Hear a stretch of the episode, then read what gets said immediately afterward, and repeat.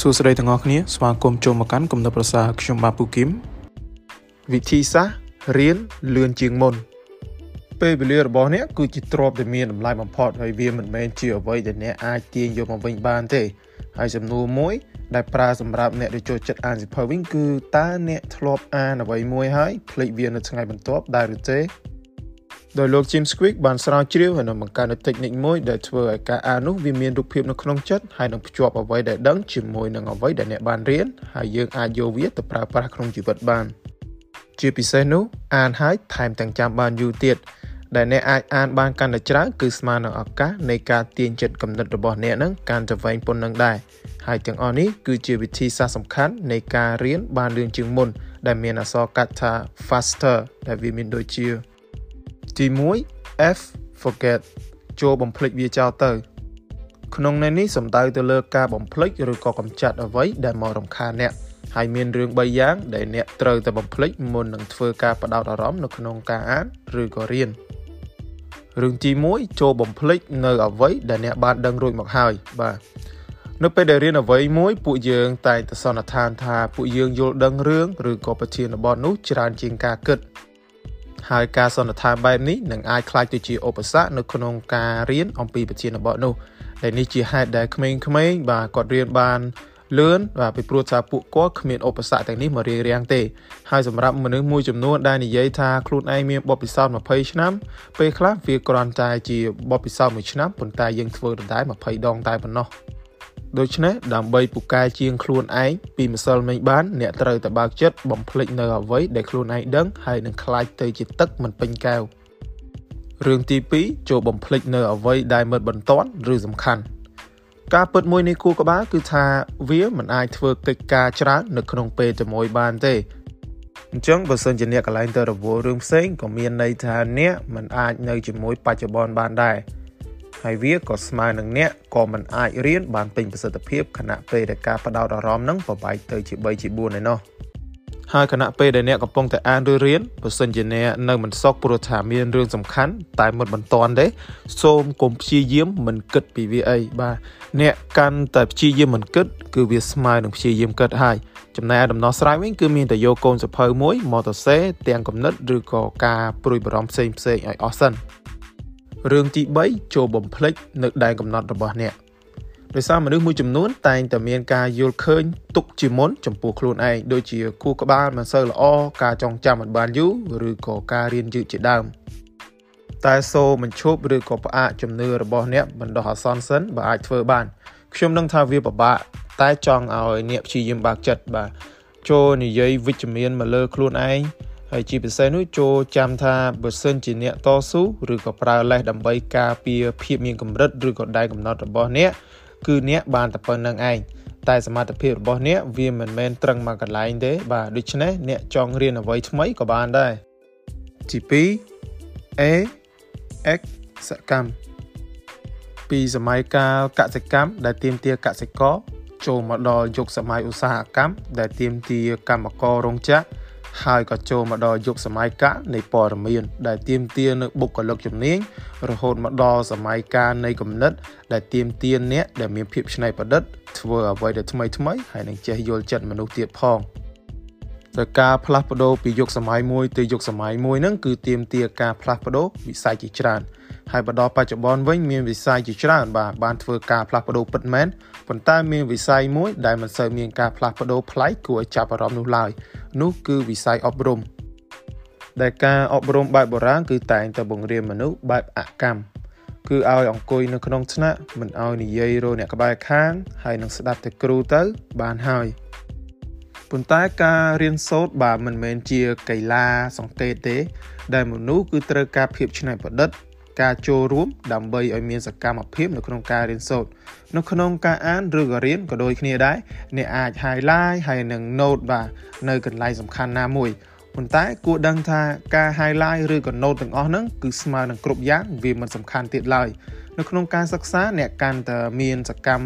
មភាពប៉ុណ្ណាអ្នកនឹងអាចរៀនបានប្រសើរហើយនឹងលឿនចងចាំបានច្រើនប៉ុណ្ណឹងដូចគ្នាទី3 S state សភាពនៃអារម្មណ៍ ការរៀនសូត្រគឺត្រូវពឹងផ្អែកទៅលើសភាពផ្លូវចិត្តហើយសភាពផ្លូវចិត្តគឺត្រូវតែប្រើប្រាស់អារម្មណ៍ដែលវាក៏មានឥទ្ធិពលទៅដល់ការគិតហើយនឹងរូបរាងកាយមនុស្សផងដែរដូច្នេះទើបសភាពផ្លូវចិត្តឬក៏អារម្មណ៍ដើរតួយ៉ាងសំខាន់នៅក្នុងដំណើរការរៀនសូត្រដើម្បីចេញជាផ្លែផ្កាដែលការពិតនោះគឺនៅពេលដែលអ្នកចងអារម្មណ៍ជាមួយនឹងតនន័យនោះតនន័យនោះវានឹងក្លាយទៅជាអង្គចងចាំដែលមានប្រសិទ្ធភាព បើអ្នកទាំងអស់គ្នាមិនជឿទេយើងសាកគិតទៅដល់បទចម្រៀងរឿងកុនក្លិនក្អូបឬក៏អាហារផ្សេងផ្សេងដែលយើងបានធ្លាប់ញ៉ាំកាលពីក្មេងសាមើលមើលបាទទោះបីជាពេលវេលាកន្លងផុតទៅ10 20ឆ្នាំក៏ដោយក៏អ្នកទាំងអស់គ្នាអាចចាំបានច្បាស់ផងដែរដូច្នេះយើងអាចទាញបានសម័យកាលថ្មី គឺទិន្នន័យព័ត៌មានបូកនឹងអារម្មណ៍ស្មើនឹងការចងចាំរយៈពេលវែងបើគ្មានអារម្មណ៍ចូលរួមទេការចងចាំវារៀងពិបាកនៅក្នុងការចាំបន្តិចហើយ អឺយើងសាកមកមើលការនៅកម្មារភាពវិញបាទបើសិនជាយើងលើពាក្យសាលារៀនហើយមនុស្សយើងពាក្យច្រើនគឺមានអារម្មណ៍ថាធុញអញ្ចឹងការរៀនក៏មិនចេះឬក៏ចាំអ្វីឡើយពីព្រោះតែពេលនោះអ្នកក៏គ្មានអារម្មណ៍នឹងចូលរួមដូចគ្នា ហើយបើសិនជាអ្នកចង់រៀនដោយមានការចងចាំរយៈពេលវែងនោះអ្នកត្រូវតែបង្វែរអារម្មណ៍មកសបាយរំភើបឬក៏ចង់ដឹងចង់លឺវិញនោះអ្នកនឹងទទួលបានចំណេះដឹងថ្មីហើយនឹងចងចាំវាច្បាស់លាស់ជាងមុនផងដែរ ទី4 T teach បង្រៀនប្រសិនជាអ្នកចង់ពង្រឹងនៅការចងចាំនោះគឺយើងត្រូវតែរៀនជាមួយនឹងបំណងនៃការបង្រៀននរណាម្នាក់អញ្ចឹងអ្នកទាំងអស់គ្នាសាកគិតបន្តិចមើលបើសិនជាអ្នកដឹងថាអ្នកត្រូវតែធ្វើបទបង្ហាញនៅអ្វីដែលអ្នកបានរៀននោះអ្នកនឹងព្យាយាមរកមធ្យោបាយដែលអ្នកអាចរៀនពីប្រធានបទនោះជាមួយនឹងគោលបំណងចេះវាគ្រប់គ្រាន់ដែលអាចបញ្យល់វាបាន នៅពេលដែលអ្នកបង្រៀនអ្វីមួយអ្នកបានរៀនវាពីរដងទី1សម្រាប់ខ្លួនឯងហើយនិងទី2ម្ដងទៀតហ្នឹងគឺសម្រាប់បង្រៀនអ្នកដទៃការរៀនសូត្រមិនមែនតែឯងរហូតទេ វាក៏អាចមានមនុស្សចាប់ពី2នាក់ឡើងទៅដែរដើម្បីធ្វើការសិក្សាពិភាក្សាគំនិតឬក៏សន្និដ្ឋានផ្សេងផ្សេងនៅក្នុងប្រធានបទនោះដោយមនុស្សម្នាក់ម្នាក់គឺតែងតែមានគំនិតផ្សេងគ្នាហើយនឹងទស្សនគតិហ្នឹងក៏ផ្សេងគ្នាដែរដែលនេះជាមូលហេតុធ្វើឲ្យអ្នកអាចមើលឃើញរូបភាពបានច្រើនជាងមុន ហើយបើសិនជាអ្នកទាំងអស់គ្នាមានមិត្តភ័ក្តិដែលសិក្សានៅវិធានបទដូចគ្នានោះគឺវាកាន់តែល្អថែមទៀតហើយដោយសារតែយើងអាចឆ្លាស់គ្នានៅក្នុងការសិក្សាសង្ខេបហើយនឹងធ្វើបទបង្ហាញដើម្បីទទួលបាន feedback ហើយនឹងកែប្រែវាដើម្បីអភិវឌ្ឍឲ្យបានខ្លាំងជាងមុនដូច្នេះទង្វើនៃការបង្ហាញអប់រំហើយនឹងការបង្រៀនទាំងអស់នេះនឹងធ្វើឲ្យយើង មានការចងចាំបានយូរហើយនឹងច្បាស់ជាងមុនផងដែរទី5 entry បញ្ជី គ្រប់ទូរស័ព្ទឬក៏កុំព្យូទ័រតែងតែមានឧបករណ៍ដែលមានធម៌ពលមួយនោះគឺបតិទិនបើយោងតាមការស្រាវជ្រាវដែលបានបង្ហាញពីការប្រើប្រាស់បតិទិនគឺវាបានជួយបង្កើននៅប្រសិទ្ធភាពរបស់យើងឲ្យច្រើនជាងមុនផងដែរអញ្ចឹងនៅពេលដែលយើងរៀបចំការវិភាគសម្រាប់ព្រឹត្តិការណ៍ឬក៏សកម្មភាពអ្វីមួយ គឺវាស្មើនឹងយើងឲ្យសញ្ញាដល់គូក្បាលថារឿងនេះពិតជាសំខាន់ យើងអាចរៀបចំផែនការហើយនឹងរៀបចំរឿងផ្សេងផ្សេងទៀតដែលត្រូវធ្វើដែលវាជាហេតុធ្វើឲ្យយើងអាចផ្ដោតអារម្មណ៍លើសកម្មភាពផ្សេងផ្សេងដែលមានរយៈពេលកំណត់បានហើយបើសិនបើយើងចង់រៀនអ្វីមួយ គឺយើងអាចធ្វើកាយវិភាគវា បាទដូច្នេះយើងដល់ពេលរៀនគឺមិនចាំបាច់ឲ្យរឿងផ្សេងទៀតមករំខានស្មារតីឡើយដែលអ្នកអាចអាន បាទដោយគ្មានអារម្មណ៍ថាខុសហើយនឹងអាចកម្ចាត់នៅគំនិតមិនសំខាន់ចេញចោលបានយ៉ាងមានប្រសិទ្ធភាព នៅពេលដែលយើងធ្វើអ្វីមួយដោយគ្មានការកំណត់កាលវិភាគនោះគឺយើងបានគណនាពេលវេលាខុសក្នុងការធ្វើសកម្មភាពបានប៉ុន្តែបើយើងកំណត់ពេលអានសិភៅ30នាទីឬក៏1ម៉ោងក្នុងមួយថ្ងៃនោះវានឹងមានភាពងាយស្រួលជាងមុនដោយមនុស្សភាគច្រើនចូលចិត្តនិយាយថាគ្មានពេលធ្វើនេះធ្វើនោះបាទប៉ុន្តែភាគច្រើន គឺវាមិនមែនជាការពិតទេ ពួកគេគ្រាន់តែមិនទាន់ចេះចាត់ចែងពេលវេលាការវិភាគឲ្យបានត្រឹមត្រូវតែប៉ុណ្ណោះ។ ទី6 or review ពិនិត្យឬរៀនសារឡើងវិញមនុស្សយើងអាចពង្រឹងនៅអ្វីដែលយើងបានរៀនហើយនឹងបញ្ជូនព័ត៌មានពីការចងចាំរយៈពេលខ្លីទៅការចងចាំរយៈពេលវែងបាន គឺតាមរយៈការរៀនឬក៏ពិនិត្យសារឡើងវិញ នៅអ្វីដែលយើងបានរៀនហើយចំណុចសំខាន់នោះគឺការធ្វើច្រំដែរ សម្រាប់វិធីសាស្ត្រវិញគឺសម្រាប់ភ្នែកមួយផ្លេតសិនបន្ទាប់ពីរៀនហើយដើម្បីឲ្យគូក្បាលធ្វើការស្រូបយកនៅអ្វីដែលយើងបានរៀនបន្ទាប់មកពិនិត្យសារឡើងវិញហើយពួកយើងនឹងធ្វើការពិនិត្យសារឡើងវិញម្ដងទៀតមុននឹងចូលមេរៀនថ្មី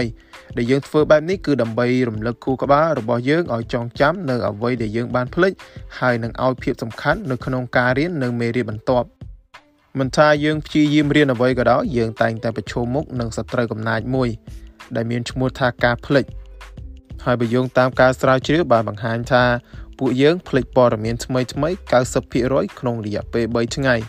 ប៉ុន្តែបើយើងរៀនសារដើមវិញក្នុងរយៈពេល24ម៉ោងនោះការចងចាំរបស់យើងវាអាចឡើងដល់80ឡើងវិញ តាមរយៈការរៀនឡើងវិញនៅព័ត៌មានថ្មីថ្មីច្រើនដងដោយមានពេលវេលាកំណត់ពួកយើងនឹងឲ្យគូក្បាលនៅពេលគ្រប់គ្រាន់សម្រាប់ការស្រូបយកនៅទិន្នន័យហើយនឹងកសាងកោសិកាគូក្បាលថ្មីសម្រាប់ពង្រឹងនៅទិន្នន័យនោះសរុបមកវិញ Faster គឺជាវិធីសាស្ត្រដែលធ្វើឲ្យយើងរៀនបានលឿនជាងមុនហើយនឹងប្រសើរឡើងជាងមុន ការរៀននៅវិធីសាស្ត្ររៀនដ៏ត្រឹមត្រូវគឺជាធម៌ពលអស្ចារ្យដែលវាបានបើកនូវសក្តានុពលរបស់យើងហើយនឹងបង្ហាញថាសមត្ថភាពរបស់យើងគឺគ្មានដែនកំណត់ឡើយបន្ទាប់ពីអ្នកទាំងអស់គ្នាបានស្ដាប់នៅវិធីសាស្ត្រ Faster នេះហើយហើយបើសិនជាយើងចង់រៀនបានលឿនជាងមុនឬក៏ប្រសើរជាងមុនអ្នកទាំងអស់គ្នាអាចសាកនៅវិធីសាស្ត្រទាំងអស់នេះបានសូមអរគុណពីខ្ញុំពូគឹមសូមជម្រាបលា